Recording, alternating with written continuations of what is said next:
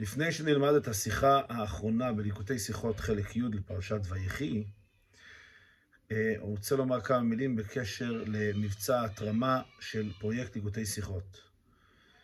הפרויקט הזה זה דבר שלכאורה לא היה כמותו בהיסטוריה, שעשרות אלפי יהודים לומדים את תורתו של הרבה, תורת החסידות, לומדים ביחד את אותו חומר אה, ועוסקים בתורתו של נשיא הדור. דבר נפלא מאין כמוהו, אה, ולכן אין שום ספק שלקחת חלק בזה, בין הלקיחת חלק בלימוד השיחות ובהפצת השיחות, אה, ובין בתרומה של כסף, בין אם זה סכומים גדולים או סכומים קטנים, אין שיעור לגודל החשיבות שבעניין הזה, ובוודאי בלי ספק כל אחד ואחד יעשה כל שביכולתו על מנת לגרום להצלחה של הקמפיין הזה, ועל מנת להמשיך ולהפיץ את תורתו של הרבה אה, עד ביאת גואל צדק במהרה בימינו. כן, ליקוטי שיחות, חלק י' לפרשת ויחי, שיחה ב'. על הכתוב, ויקרא יעקב אל בניו ויאמר, אספו ואגידה לכם את אשר יקרא אתכם באחרית הימים, יקבצו ושימו וגומר, אמרו רז"ל, ובא פירוש רש"י בשינויים כדלקמן סעיף ח', ביקש יעקב לגלות לבניו קץ הימין, ונסתלקה ממנו שכינה. אז חז"ל אומרים בגמרא, שמה הפירוש, האספו ואגידה לכם את אשר יקרא אתכם באחרית הימים, יעקב אבינו רצה לגלות לבניו את קץ הימין, ונסתלקה ממנו שכינה. וצריך להבין, מנהלן שפירוש הכתוב שביקש יעקב לגלות, לגלות לבניו קץ הימין, לכאורה פשוטו של מקרא בהגידה לכם, הוא הברכות ועניינים הכתובים להלן בפרשה. איך אנחנו לומדים את זה מהפסוק? הרי מיד אחרי שנאמר, אספו ואגידה לכם אשר יקרא אתכם באחרית הימים, יעקב אבינו מברך את בניו, והוא באמת מדבר איתם על מה שיקרא להם בעתיד. אה, הוא מתאר את, את אחרית הימים של השבטים. אז אם כן, מאיפה חז"ל לוקחים שאחרית הימים מדובר כאן דווקא על קץ הימין, על זמן הגאולה העתידה, ולא על אותו, אותם דברים שיקרא להם באחרית הימים בשנים הבאות ובדורות הבאים, כפי שמפורש בפרשה. יש מפרשים שההוכחה היא מהמילים באחרית הימים, שמובנם הוא קץ הימין, וכתוב אצלנו בתנ"ך שהלשון אחרית הימים פירושה קץ הימין. בפשטות אומרים המפרשים שהלשון הזה, אחרית הימים, מרמז לכאורה על קץ הימים. מה זה אחרית הימים? לא רק בימים בדורות הבאים, אלא באחרית הימים הכוונה היא בסוף, בסוף כל הימים, בתקופה האחרונה, שזה אה, לעתיד לבוא. אז ככה באמת רוצים לפרש. אבל הרב כאן יוכיח שזה לכאורה לא, לא פירוש שהוא מוכרח. א', אבל קשה לומר כן. א', אין זו הוכחה מספיקה, כיוון שאחרית הימים לא בכל מקום פירושו קץ הימים. וכמו בדברי בלעם מצינו לשון זו לעמך באחרית הימים, הוא מדבר בדוד. אומר הרב, הנה בתורה עצמה מצינו, שהלשון הזה באחרית הימים לא עוסק לעתיד לבוא. אה, בלעם משתמש בלשון אשר יהיה, אה, אשר אה, יקרה לעמך באחרית הימים, והוא לא מדבר על, על, על ימות המשיח, על העתיד לבוא, אלא הוא מדבר על הדורות הבאים, על דוד המלך. אם כן, אחרית הימים היא לא בהכרח בתורה דבר שמתייחס לקץ הימין. אז למה כאן אנחנו מוכרחים לומר שהוא רצה לגלות להם את קץ הימין? ב', אפילו אם נאמר שכאן באחרית הימין כוונתו לקץ הימין, מהי ההוכחה שיעקב ביקש לגלות זה לבניו? היינו להודיע מתי יהיה קץ הימין. דבר שליבה לפומה לא גליה. הרי אפשר לומר כפשוטו, שגם מלכתחילה לא ביקש להגיד להם, אלא את אשר יקרא, יהיה להם באותו הזמן שבאחרית הימים. וכמה מאורעות אלו, אחרי, גם יגיד להם בהמשך דבריו, כמפורש בפירוש רש"י להלן. אומר ואפילו אם נאמר שאחרית הימים הכוונה היא כן לעתיד לבוא, אז השאלה היא, מי אמר שהוא ביקש לגלות להם מתי זה יקרה? לגלות להם את קץ הימים, הכוונה להגיד להם מתי זה יקרה. מי אמר שהוא ביקש לגלות להם מתי זה יקרה? אולי הוא באמת ביקש להגיד להם את אשר יקרה להם באחרית הימים. מה יהיה באמת לעתיד לבוא? שבאמת מפורש ברש"י, שחלק מהברכות של יעקב גם אה, נסובות על מה שיקרה לעתיד לבוא. אז אם כן, השאלה הראשונה היא, מי אמר שבכלל שאחרית הימים הכוונה היא לעתיד לבוא, בגאולה העתידה? וב' אפילו אם נאמר שאחרית הימים היא כן הגאולה העתידה, מי אמר שהוא בא להגיד להם מתי זה יקרה? אולי הוא בא להגיד להם מה יקרה להם אז. באמת, מה יהיו המאורעות שיהיו לעתיד לבוא, אבל לא בהכרח מתי זה יקרה. ושאלה נוספת, אומר הרב ג', כיוון שפירוש זה מביאו רש"י, דברי חז"ל האלה בגמרא, רש"י גם מביא אותם. אז אם כן, אי אפשר לומר שזה סתם איזשהו עניין של אגדה. אה, רש"י הרי בא רק לפשוטו של מקרא, שלא בא לפשוטו של מקרא. צריך לומר שכל זה גם, מוכרח גם בפשוטו של מקרא. אז אם כן, לבוא ולהגיד שהמילה אחרית הימים עצמה אה, אומרת שזה, שזה מדובר על, על קץ הימין, אז קשה לומר מפני כמה טעמים. א', אחרית הימים זה לא תמיד קץ הימין. ב', אפילו אם כן, אז זה לא בהכרח מתי זה יקרה. וג', זה גם צריך להיות הסבר בפשוטו של מקרא, מכיוון שרש"י מביא את דברי חז"ל הללו. אומר רבי והביאור בזה, כיוון שאמר להם יאספו להגיד עליכם גומר באחרית הימים, אחר כך אומר פעם שנייה, יקבצו ושימו גומר, מוכרח שבשני העניינים נפרדים מדבר וחלוקים הם זה מזה עד כדי כך שצריכה להיות אסיפה בפני עצמה מיוחדת לכל אחד ואחד. אומר הרב קודם כל בפשטות, בפשוטו של מקרא. התורה כאן חוזרת פעמיים. קודם נאמר, יאספו ואגיד על אחים אשר יקרא אתכם באחרית הימים. אחר כך נאמר שוב פעם, יקבצו ושימו בני יעקב וישימו לישראל אביכם. שוב פעם, עוד איזושהי התכווצות ועוד איזה דיבור חדש. אז מכיוון שהתורה חוזרת ואומרת פעמיים אמ, את הקיבוץ, פעם אחת יאספו ואגיד עליכם, אחר כך עוד פעם יקבצו ושימו. ויש כאן שני אמירות שונות, מוכרח שהוא בא לומר להם דבר אחד, ואז זה לא יסתייע, והוא בא ואמר להם עוד דבר. משהו שיש כאן שני דיבורים שונים לגמרי. כמובן שאמירתו השנייה יקבצו ושימו מכוונת לסבוך לו הפרשה. אז כל הברכות שנאמרו בהמשך, זה בא בהמשך ליקבצו ושימו, אבל לפני זה נאמר אמירה אחרת, יעשו ויגיד עליכם. על מה, על מה הולכת האמירה הזו? אבל לא אמירתו הראשונה, יעשו ויגידה, שהיא לפני פניו. כן, האמירה, אספו ואגיד עליכם, זה לפני האמירה הקודמת, שמקדימה את, את הברכות בעצמה. ולכן זה חייב להיות מדבר על משהו, חייב לדבר על משהו אחר. ועל פי זה, למה סתם הכתוב ולא פירש מה היה ברצונה להגיד, ולמה לא הגיד? אם כן, אם היה כאן אמירה נפרדת, למה אנחנו לא יודעים מהי האמירה הזאת?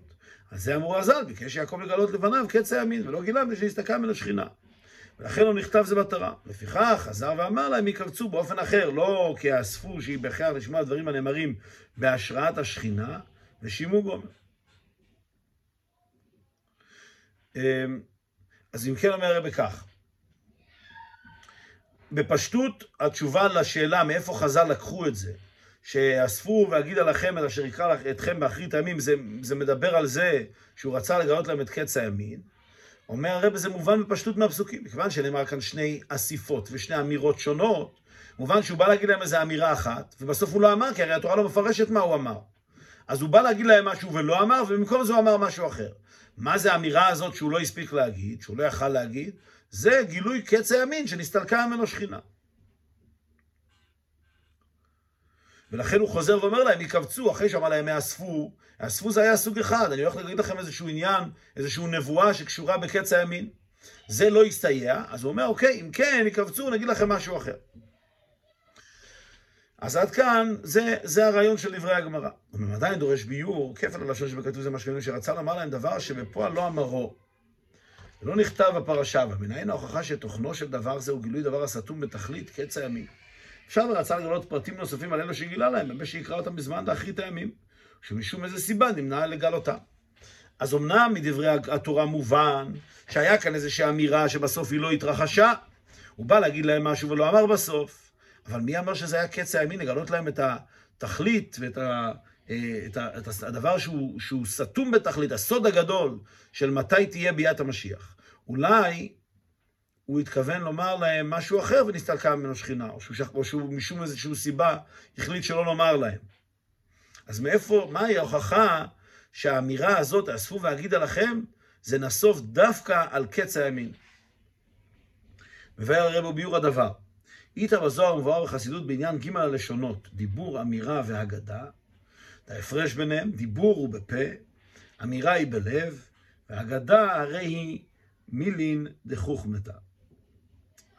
מביא הרבה שנאמר בזוהר, וגם מבואר בחסידות, שיש שלוש לשונות של דיבור.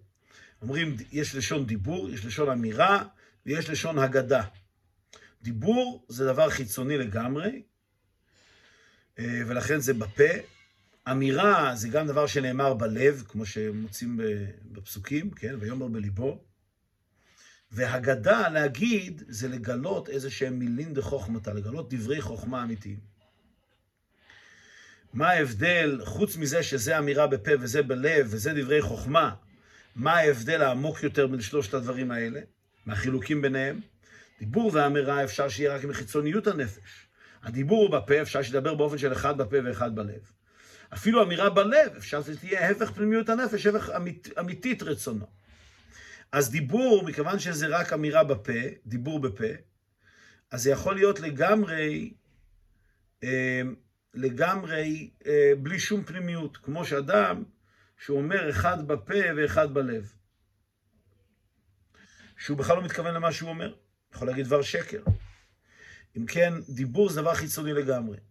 אמירה אומנם זה דבר יותר פנימי, זה כן אה, אמירה היא בלב, אבל זה לא בהכרח מבטא את הרצון האמיתי של האדם, את הפנימיות האמיתית של האדם. זה איזשהו דבר חיצוני שמתרחש בלב. אה, כפי שהרבי הוכיח כעת, שיכול להיות לפעמים שאדם אומר משהו בליבו, אבל זה לא באמת מה שקורה אצלו בפנימיות הנפש. לעומת זאת, אגדה זה דבר שקשור ממש לפנימיות הנפש, לרצונו האמיתי של האדם. איפה רואים שגם האמירה בלב היא לא בהכרח מבטאת את, ה, את האמת הפנימית של הנפש? כמבואר ברמב"ם, טעם הלכה כופים אותו עד שיאמר רוצה אני, כי יצרו אנסו, ולכן רוצה הוא לעבירה. אבל רצונו האמיתי בפנימיות נפשו של כל אחד ואחד מבני ישראל לעשות כפי על ים. על ידי זה שכופים אותו, מבטלים האונס, ורצונו הנעשה על ידי זה, ועושה מה שחפץ בפנימיות נפשו. אז הראיה היא מדברי הרמב"ם. אדם שבית דין קבעו שצריך לתת גט, והוא מסרב לתת גט, אומר הרמב"ם, כופים אותו עד שיאמר רוצה אני, מכריחים אותו לומר שהוא רוצה. כי גט חייב להינתן ברצון, אז צריך להכריח אותו לרצות. שואל הרמב"ם, איך אפשר להכריח אותו לרצות? הרי זה, אתה אונסים בן אדם, מכריחים אותו להגיד שהוא רוצה, זה לא נקרא שהוא רוצה. אז עונה הרמב"ם, לא, האמת היא שהוא רוצה באמת. הפנימיות שלו באמת רוצה, רק מה יצרו הנשוא, יצר הרע שלו אונס אותו להגיד שהוא לא רוצה לתת גט. ולכן על ידי זה שמכים אותו, שכופים אותו, אז הוא כבר מתגלה הרצון הפנימי שלו, שזה הרצון לעשות את מה שחכמים אומרים לו לעשות. אם כן, רואים מזה שגם כאשר אדם אומר, שהוא, לא רק שהוא אומר שהוא לא רוצה, הוא באמת לא רוצה, הוא לא מוכן לתת גט, אבל זה לא הרצון הפנימי שלו. ולכן כאשר מכריחים אותו להגיד שהוא רוצה לתת ולקיים את דברי חכמים, והוא הולך ומקיים את דברי חכמים, אנחנו אומרים, זה באמת רצונו האמיתי. אז מוכח מכאן שגם דבר כזה שהוא נמצא בליבו של האדם, רצון כזה שנמצא בליבו, זה לא בהכרח הרצון האמיתי שלו. שזה המושג של אמירה. שהאמירה היא בלב אמנם, אבל היא לא בהכרח מבטאת את הרצון האמיתי או את האמיתיות, מה שנמצא בלב. כנראה במוחש. שמה שאמר לפני הכפייה איני רוצה, לא היה אחד בפה ואחד בלב, כי גם בליבו לא רצה לעשות. בלשון הידוע, העין רואה והלב חומד. זה שהוא לא רצה לפני כן לתת גט, זה לא היה רק אה, שהוא אמר שהוא לא רוצה, הוא באמת לא רצה. הוא לא רצה מכיוון שהוא, היצר הרע שלו אה, עורר אותו וגרם לו שלא לרצות. כמו שאומרים, העין רואה והלב חומד, הלב מושפע מכל מיני עניינים חיצוניים שיש להם השפעות שליליות. אז גם כאן הלב הושפע ואמר לא, אני לא מוכן לתת. אלא שהאמירה הזו באה מצד חיצוניות הלב, בפנימיות ליבו רוצה הוא תמיד לעשות רצונו יתברך. אבל יהודי רוצה תמיד לעשות רצון השם, ולכן על ידי זה שכופים אותו, מתגלה רצונו האמיתי. כן, מובן שגם אמירה בלב היא לא בהכרח רצונו האמיתי של האדם. מה כן, אגדה שהיא באה מפנימיות הלב, וזה מה שנאמר בזוהר, שהאגדה היינו מילין דחוכמתא, כי מילין דחוכמתא עניין פנימיות וסתים דאורייתא, הם המעוררות ומגלות הפנימיות והסתים של הנשמה. אגדה, לעומת זאת, זה באמת מגיע מפנימיות הלב, וזה מתבטא בלשון מילין דחוכמתא שהזוהר אומר. מה הפירוש דברי חוכמה?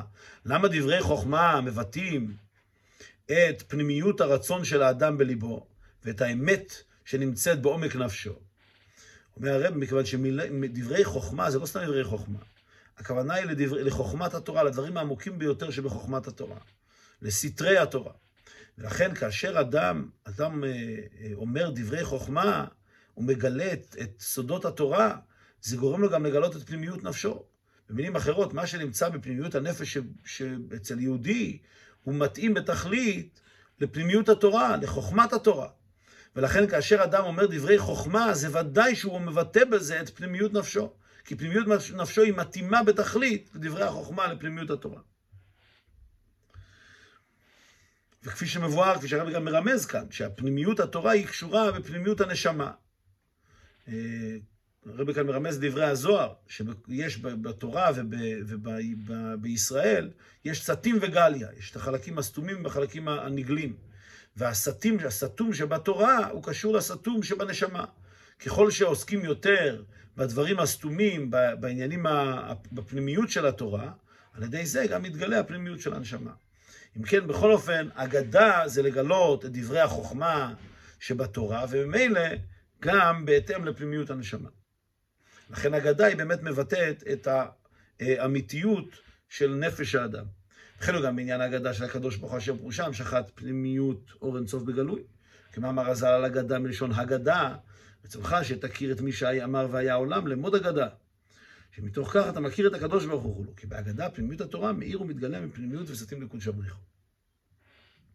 אז בהמשך למה שהוזכר לפני כן, שדברי הזוהר מבואר בחסידות, שיש סתים וגליה בתורה, יש גם סתים, סתים וגליה אצל יהודי, ויש גם סתים וגליה אצל הקדוש ברוך הוא, כן? יש ישראל, אורייתא וקודשא בריחו, וכולו סתים וגליה. אז גם הקדוש ברוך הוא, אמ, כאשר אומרים הגדה ביחס לקדוש ברוך הוא, אז הכוונה היא שהקדוש ברוך הוא מגלה את פנימיותו, פנימיות אור.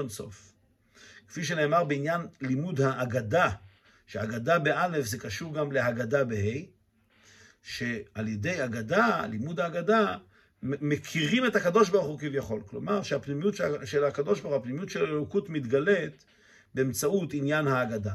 אז אם כן רואים שהאגדה היא קשורה לפנימיות הן של האדם, כאשר אדם אומר באופן של אגדה, אז הוא מגלה את פנימיותו, הן לפנימיות של התורה, כי הרי אגדה זה מילין דחוכמתה, והן לפנימיות של הקדוש ברוך הוא. ובזה יובן שב"והגיד הגוף המרומז שביקש יעקב להגיד, לגלות לפניו, לבניו עניין פנימי ביותר, קץ הימין, שעניינו הגילוי של תכלית הסתום והפנימי, גילוי סתים לנשמה וסתים לקודשא בריחו על ידי סתים דאורייתא. אומר הרבה, אם כן כעת נבין למה באמת הלשון הזה, האספו והגידה לכם, הוא בהכרח מרמז על קץ הימין. מכיוון שקץ הימין מבטא את הגילוי העצמי, את הגילוי הסופי של פנימיותו של הקדוש ברוך הוא ושל פנימיות התורה ושל פנימיותו של יהודי. זה בעצם המהות של קץ הימין. הקדוש ברוך הוא יתגלה, כן, ולא ייכנף עוד מוריך, והיו עיניך רואות את מוריך. הכוונה היא שהקדוש ברוך הוא יתגלה לכל יהודי, פנימיות התורה תתגלה, כן, שיעסקו בלדעת את השם, ופנימיותו של כל יהודי תתגלה. כל יהודי יהיה רצונו וחפצו האמיתי להתקשר לקדוש ברוך הוא בתכלית.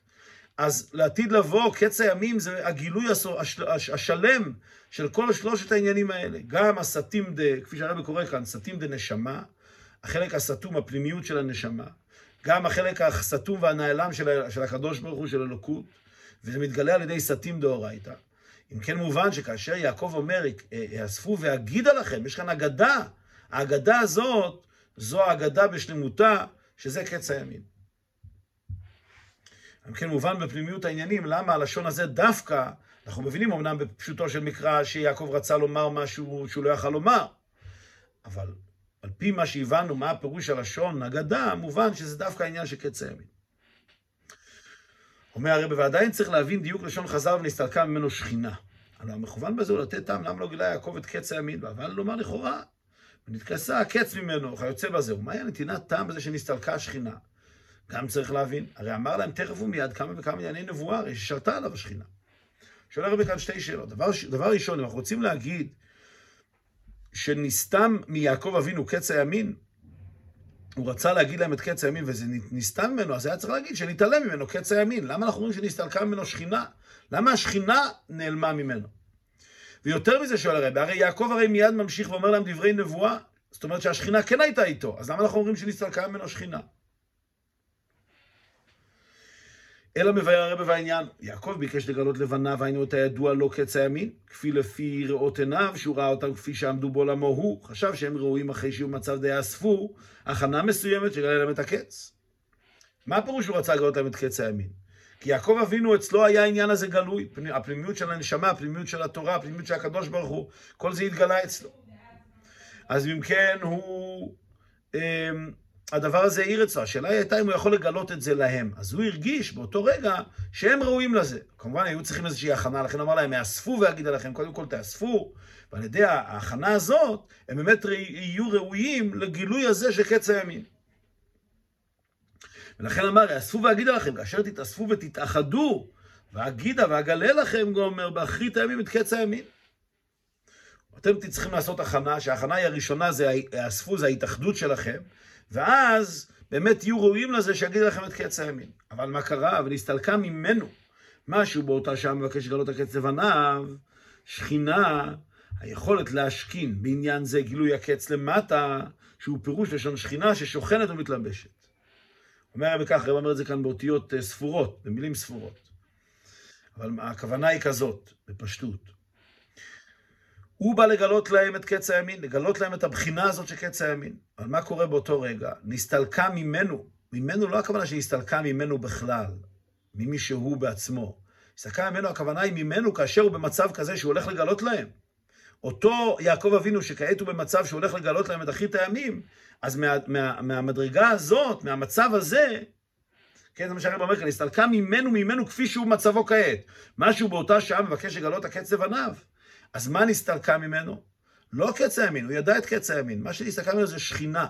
שכינה זה, זה, הכוונה היא המשכה למטה, הכוונה היא גילוי. כפי שאנחנו יודעים, ששכינה זה מלשון לשכון ולהתלבש. ולכן, מה נסתלק ממנו זה היכולת להשכין את זה, היכולת להמשיך את זה למטה. העניין הזה שקץ הימין היה אצלו, העיר אצלו אצל יעקב אבינו.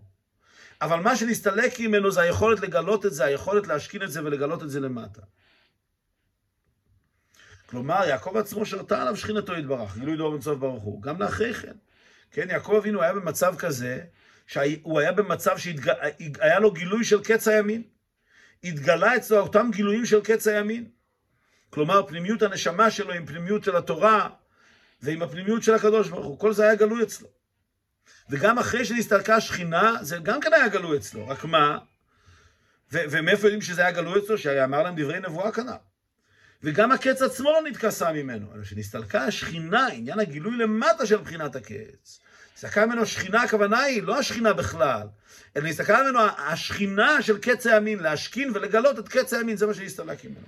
לא היה לו את היכולת לגלות את אותה בחינה שהאירה בו, לגלות את זה גם אצל בניו. וזהו הדיוק בלשון הגמרא, נסתלקה ממנו שכינה ולא נסתל ממנו הקץ. כי רק הכוח להשקיד ולהמשיך גילוי הקץ, מה נסתלק ממנו? מה שנסתלק ממנו זה היכולת לגלות את זה למטה, ולא השכינה בעצמה, ולא הגילוי בעצמו.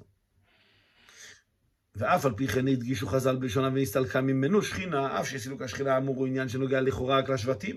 ואף ולממר שלא היו בניו זכאים לך, וכיוצא בזה. לכאורה, מה שנסתלק ממנו זה רק מה שקשור להעביר את זה הלאה לשבטים. אז למה הלשון הוא נסתלקה ממנו שכינה, משהו שגם אצלו אה, נגרע משהו, ממנו גם כן נסתלק משהו. מבאר הרבה, זה גופה שאין בניו ראויים לגילוי הקץ, פעל ירידה גם ביעקב. על דרך שמצינו משה רבינו, שאמר לו הקדוש ברוך הוא, לך רד מגדולתך, כלום נתתי לך גדולה אלא בשביל ישראל. ומכיוון שהם אינם כדבעי, הרי זה גורם ירידה גם במשה. מבאר הרבה שאכן, מכיוון שהוא לא יכול לגלות את זה לבניו, אז בדרך ממילא זה פועל גם ירידה בו, כמו שמצינו למשה רבינו.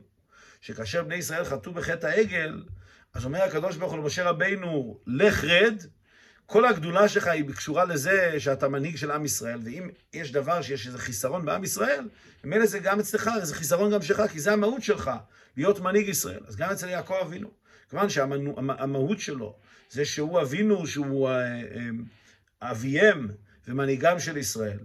אז ממילא מובן, כאשר הם לא ראויים להשראת השכינה, ממילא זה גם נסתלקה ממנו, גם זה חיסרון אצל יעקב אבינו עצמו. אז אם כן מובן כעת, נראה את השלבים שהיו לנו כאן. דבר ראשון, מאיפה אנחנו יודעים בכלל שנסתלקה ממנו שכינה? אולי הוא פשוט, אה, אה, יאספו ואגיד עליכם, פשוט מדבר על הנבואה שיעקב אבינו אומר להם בהמשך. התשובה לכך היא, מכיוון שנאמר פעמיים, יאספו ואגיד עליכם, ואחר כך שוב פעם יקבצו ושימו, מובן שהיה כאן איזושהי אמירה שלא נאמרה. ואז שאל הרבה, מאיפה אנחנו יודעים שהאמירה הזאת זה דווקא קץ הימין? והתשובה, מכיוון שהלשון הגידה, אגדה, זה דבר שקשור לגילוי הפנימיות ותכלית הפנימיות, שזה עניין של קץ הימין. מכיוון שהוא אמר אגידה לכם, אז הכוונה היא קץ הימין. שאלנו, אם כן, למה נאמר נסתלקה ממנו שכינה? לכאורה מה זה קשור לשכינה? צריך שיסתלק ממנו קץ הימין. אז ביארנו שלא יסתלק ממנו קץ הימין. לא השכינה ולא קץ הימין הסתלקה ממנו. רק מה? היכולת להשכין, היכולת לגלות את קץ הימין לבניו, את אותו גילוי של קץ הימין, קץ הימין, להמשיך אותו לבניו, זה מה שנסתלק ממנו. זה הפירוש שנסתלקה ממנו שכינה. אם כן, שאלנו, למה נסתלקה ממנו? זה יכולה רק נסתלק מבניו. התשובה היא שכאשר הוא לא יכול להמשיך את זה לבניו, דרך ממילא זה פועל גם חיסרון אצלו. כעת ממשיך הרב אמנם על פי זה לא מובן, כיוון שמצבו של יעקב תלוי במצב בניו. אם כן, למה נסתלקה ממנו שכינה? רק לאחרי שביקש לגלות הקץ. הרי היו במצבם זה גם קודם לכן, מה שיקר בני ישראל ומשה. כן מלכתחילה לא היה צריך להיות השראת השכינה בנוגע לעניין זה. שואל הרב, אם כן, לא צריך להבין מה הפירוש, מה הלשון נסתלקה ממנו. נסתלקה הכוונה שמשהו היה כאן, ואחר כך הוא הסתלק. אם אנחנו אומרים שהשכינה הכוונה כאן, היכולת להעביר, לגלות את זה לבניו, אז זה לכאורה לא היה לו אף פעם. הרי מה אנחנו אומרים? הוא בא ואמר להם, יקבצו ושימו, אה, סליחה, הוא אמר להם, אספו ואגיד עליכם. הוא בא לגלות להם את קץ הימין, ואז הוא ראה שאין לו את היכולת לגלות את קץ הימין. אז צריך לומר שלא היה, לא היה לו את בחינת השכינה, לא היה לו את היכולת להעביר את זה לבניו. למה אנחנו אומרים שנסתלקה? נסתלקה משהו שהיה את היכולת, ואז היכולת הזאת הלכה לה. מה, מה, מה פשר הדבר הזה? לכאורה לא היה לו מעולם את היכולת לגלות להם את קץ הימין, כי הם לא היו ראויים לזה.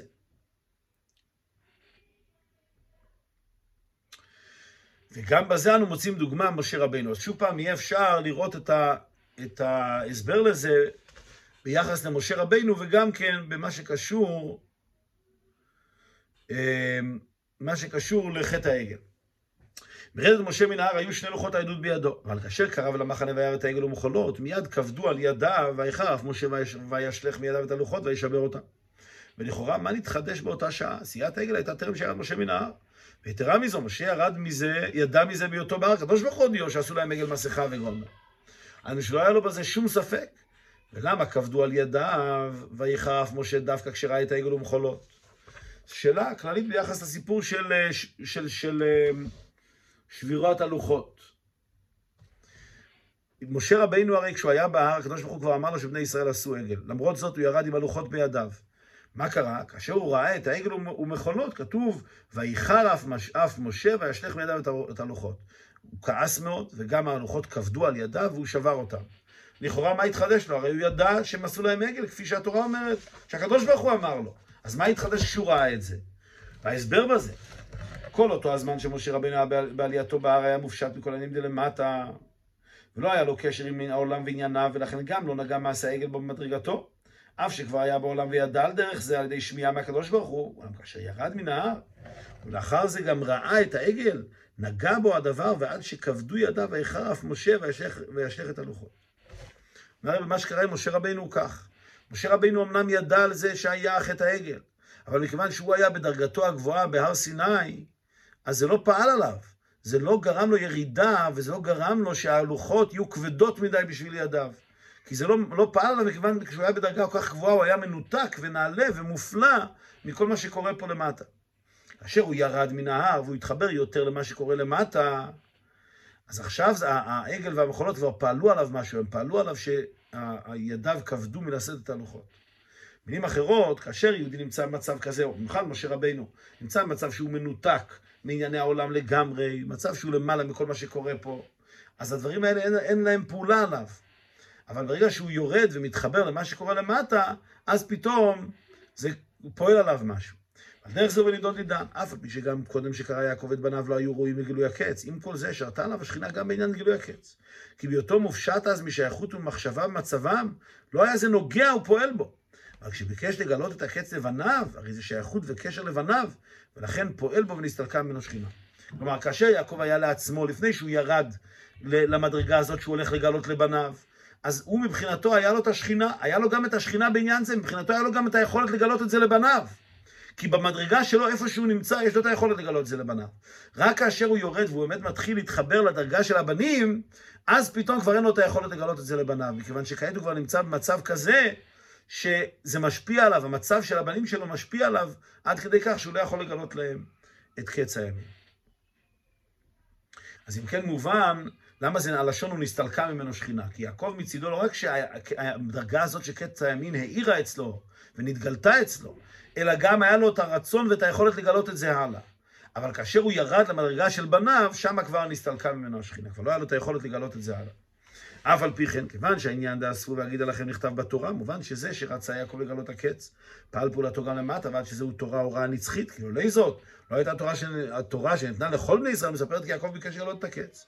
ובלאו הכי מובן זה, כי בקשתם של צדיקים אינה חוזרת ריקה. אומר בשתי נקודות. אף על פי שהוא לא הצליח לגלות להם את הקץ, אבל זה שהתורה מספרת על עצם העניין של גילוי הקץ, זה אומר שזה כן פעל משהו. היה כאן איזושהי פעולה שהוא ביקש לגלות את הקץ, וזה פעל איזושהי פעולה בעולם. רק מה, שזה לא היה באופן כזה שזה התגלה לגמרי. אבל אם לא היה לזה שום פעולה, התורה לא הייתה מספרת לנו על זה. נוסף לזה, כל בקשה של צדיק, כל רצון של צדיק, ודאי פועל את פעולתו, זה לא נשאר ככה באוויר.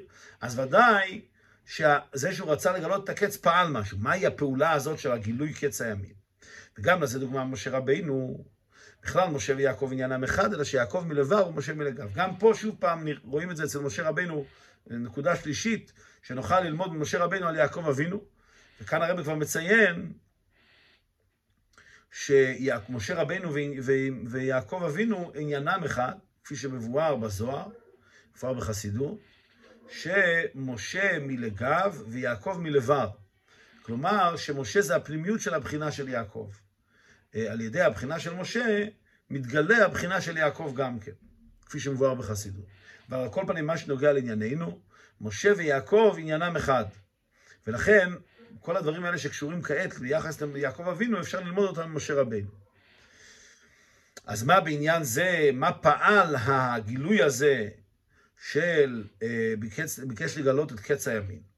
בנוגע למשה רבינו נתבהר כי על ידי תפילתו ואת חנן גומר אברנה ואראה את הארץ ותלפעול בבני ישראל עניין הראייה באלוקות, פעל אף שבעצמו לא נכנס לארץ, המשכת בחינת הראייה בבני ישראל בדרך מקיף. מבחינת הראייה בפנימיות לא המשיך בהם, כי הסיום שם ואתה ישראל שמע אל החוקים. שהפנימיות תהיה בהם בחינת השמיעה, אבל במקיף המשיך בישראל גם בחינת הראייה. מבואר בחסידות כך, שיעקב אבינו, שמשה רבינו, אה, כאשר הוא ביקש אברנה ואראה, זה לא רק שהוא רצה לראות את ארץ ישראל, הוא רצה להמשיך בכל בני ישראל את בחינת הראייה. משה רבינו היה בו את בחינת הראייה, ראייה באלוקות, שזו התעמתות עצומה כשהאלוקות מתגלית אצל האדם באופן של ראייה. ויעקב, ומשה רבינו רצה להמשיך את זה לכל בני ישראל, לכן הוא ביקש שאברא נא ואראה, ואראה הכוונה גם שהוא יראה את זה לכל בני ישראל. רצה לפעול בהם את עניין הראייה, אבל על זה, זה הקדוש ברוך הוא לא קיבל את תפילתו. רק מה, אף על פי שהוא לא קיבל את תפילתו ובני ישראל לא נפעל עניין הראייה בפנימיות, בשלמות, אבל כן זה נפעל, זה כן נפעל אה, באופן של מקיף. אז כן, משה רבינו כן פעל, פעל בבני ישראל שיהיה בהם, שיהיה להם ראייה באלוקות, אבל זה יהיה ראייה באופן מקיפית, ככה מבואר בחסידות. אמנם בפנימיות זה לא קרה, ולכן בפנימיות נאמר שמע אל החוקים, היה להם רק את בחינת השמיעה, אבל באופן של מקיף, זאת אומרת, בדרגות העליונות של הנשמה, באופן שזה לא חודר ממש בפנימיות, בני ישראל כן זכו, על ידי תפילתו של משה, זכו לעניין הראייה באלוקות. על דרך זה יש לומר שהוא גם כן ביעקב סמוך להסתלקותו, אף שנסתלקה ממנו שכינה, שלכן אמר אחר כך יקבצו ושיבו בני יעקב, אף על פי כן, בזה שאמר אספו והגידה, נתן הכוח בבני יעקב ולבניהם אחריהם עד אחרית הימים, שיגיעו בעבודתם לגילוי הקץ בדרך מקיף, עבודת השם באופן של חירות מאומות העולם ומיצר הרע. אומר הרי בהדרגה הזאת של קץ הימין, שזה כפי שאמרנו גילוי פנימיות הנשמה, פנימיות התורה ופנימיותו של הקדוש ברוך הוא. שזה נקרא קץ הימים כי זה עניין של גאולה, זה עניין של חירות מכל העניינים השליליים, חירות מאומות העולם, חירות מיצר הרע. זה מה שיעקב אבינו רצה לגלות, הוא רצה להמשיך את זה לבניו באופן של ראייה. לכן הוא אמר, יקבצו והגידה, אגדה זה לגלות את הפנימיות. אבל בפועל, זה לא, זה לא, זה לא הסתייע. לא היה יכול להיות העניין של יאספו והגידה לכם. רק מה יקבצו ושימו, נמשך להם רק מבחינת השמיעה, לא מבחינת הראייה. ואף על פי כן, באופן מקיף על כל פנים, באופן כללי, באופן אה, רוחני ובאופן כזה שהוא קצת נעלה מהדרגות הפנימיות של הנפש, אבל קשור לדרגות העמוקות יותר של הנפש, אה, זה נעלה יותר מהדרגות הגלויות של הנפש, זה מה שאנחנו קוראים כאן בפנימיות, אבל זה קשור יותר לדרגות הנעלמות יותר של הנפש, וזה כן הוא גילה להם את, את uh, אחרית הימין. כלומר, שהדרגה הזאת של קץ הימין היא כן נמצאת, ויעקב אבינו גילה את זה לכל, לכל ישראל, אבל רק באופן כזה שזה לא מאיר אצלם בפנימיות, זה לא חלק, דבר, לא חלק מהזהות שלהם שהם מרגישים את זה, אבל זה נמצא אצלם בפנימיות הנפש.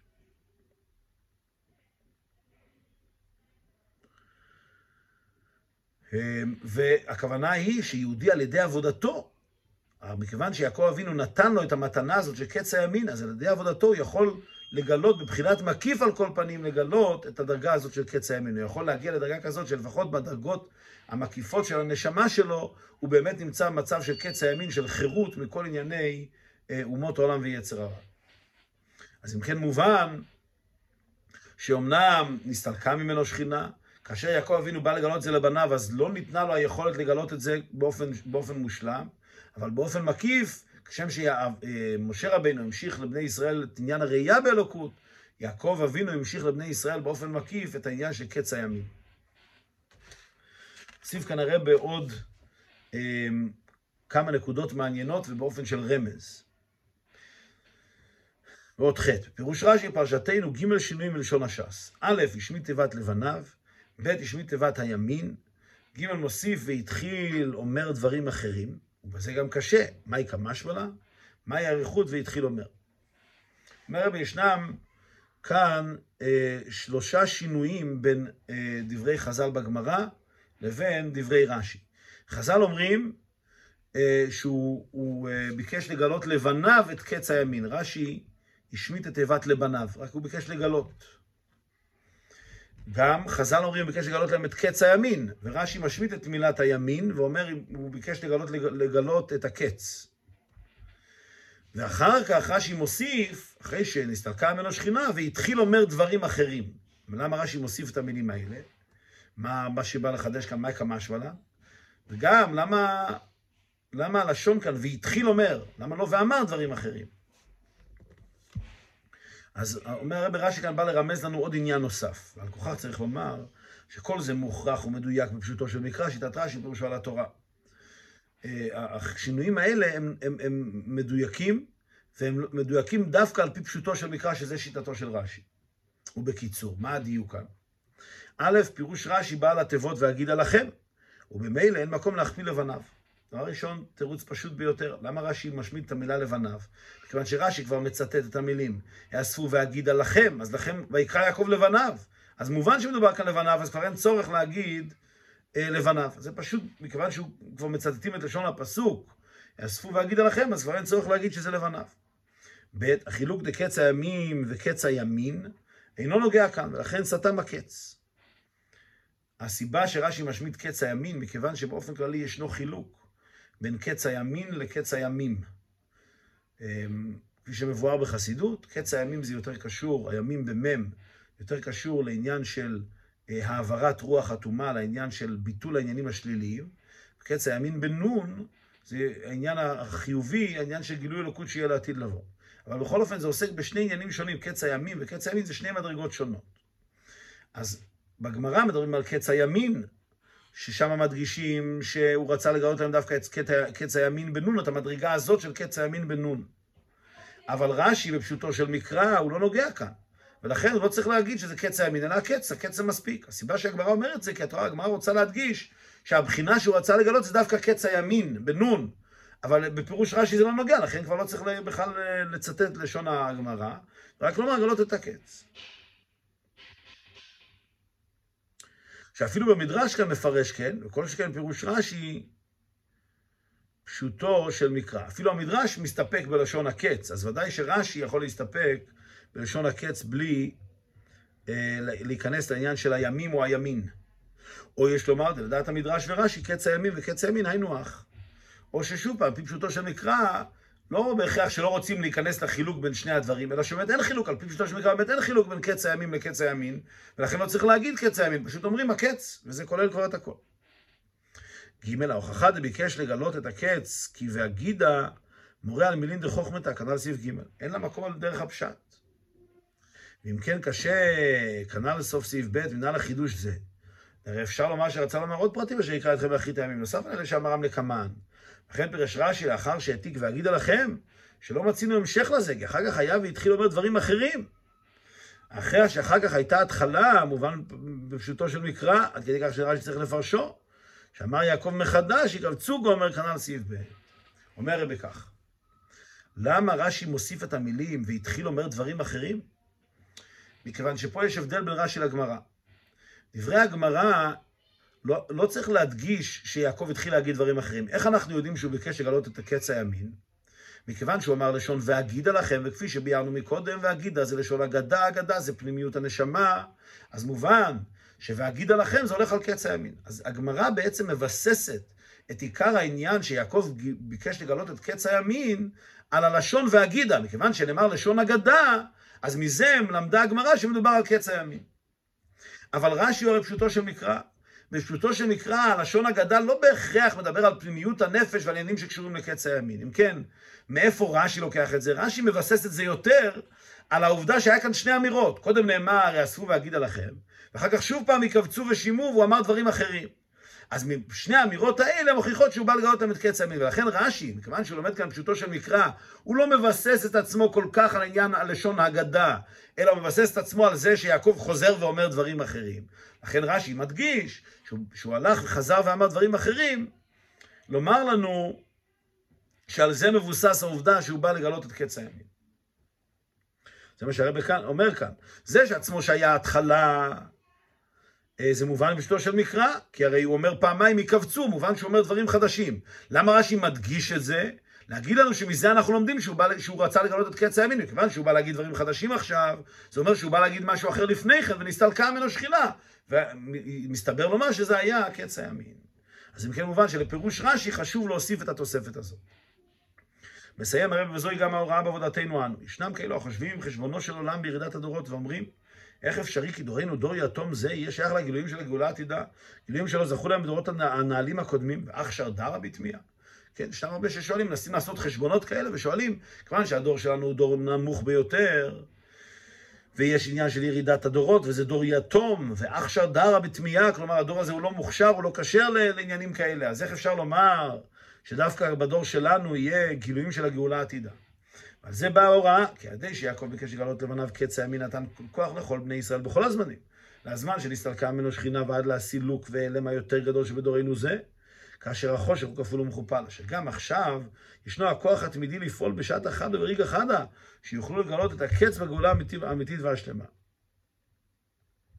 יעקב ביקש לגלות את הקץ, הוא ביקש, הכוונה היא, כפי שאמרנו, שגם כאשר נסתלקה ממנו שכינה, עדיין נפעל כאן עניין שהוא ביקש לגלות את הקץ. הכוונה היא כלומר ככה, גם אחרי שנסתלקה ממנו שכינה, עדיין יש, את, יש עדיין את הפעולה הזאת שביקש יעקב לגלות את הקץ. אם כן, מה שזה אומר לנו, שאנחנו בדור כזה שנסתלקה שכינה, בדור כזה שאין גילוי אלוקות, ואף על פי כן עדיין קיים המושג הזה של ביקש לגלות את הקץ. עדיין אפשר ויכול להיות הכוח והיכולת שיהיה גילוי של העניין של קץ הימין. ובאמת, ובאמת, הנה זה שטוענים שאין הדור ראוי יוכלו, זה גוף ההוכחה כי עכשיו הוא זמן גילוי המשיח. כלומר, הזל שמשיח בא בהיסח הדעת. כאשר נמצאים במצב כזה שאין הדעת והשכל הגלוי רואה שום מקום איך תבוא הגאולה, הרי היסח הדעת זה סימן מובהק כל הגאולה הקרובה. אדרבה אומר הרב, זה עצמו שנסתלקה שכינה, זה עצמו שאנחנו נמצאים במצב כזה שיש אה, העלם ואסתר, ועד כדי כך שעל פי שכל לא מובן איך עכשיו בדור כזה נמוך יכול להיות הגאולה. על זה גוף האומרים. שמשיח בא בהיסח הדעת. כאשר אדם מבחינת הדעת, מבחינת השכל וההיגיון, לא רואה שום מקום לגילוי של הגאולה, זה עצמו הוכחה שכעת הגאולה עומדת לבוא. כי אין הכוונה שאין לחשוב ולחכות חס ושלום על דבר הגאולה בכדי שיהיה היסח הדעת. מה אומרים כשאומרים שמשיח בא בהיסח הדעת? אין הכוונה חס ושלום שלא לחשוב על ביאת המשיח ושלהסיח את הדעת חלילה מעניין הגאולה. שהרי מפורש, אדרבה, עיקר גדול באמונת ישראל לחכה לו בכל יום שיבוא, יהודי צריך לחכות בכל יום, זאת אומרת לא להסיח את דעתו מזה שמשיח צריך להגיע.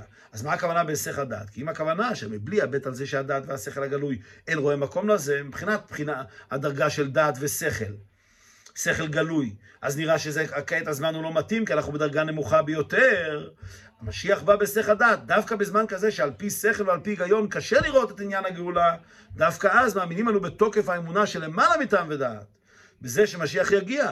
וזהו העבודה של היסח הדעת, שיהודי, שיהודי מתעלה לדרגה כזאת שהיא למעלה מהדעת, ועל ידי זה, האמונה הזאת בעצמה, שהיא למעלה מדעת, היא ממשיכה ומגלה אה, את ביאת המשיח, ועל ידי אמונה זו, בן דוד בא בקרוב ממש.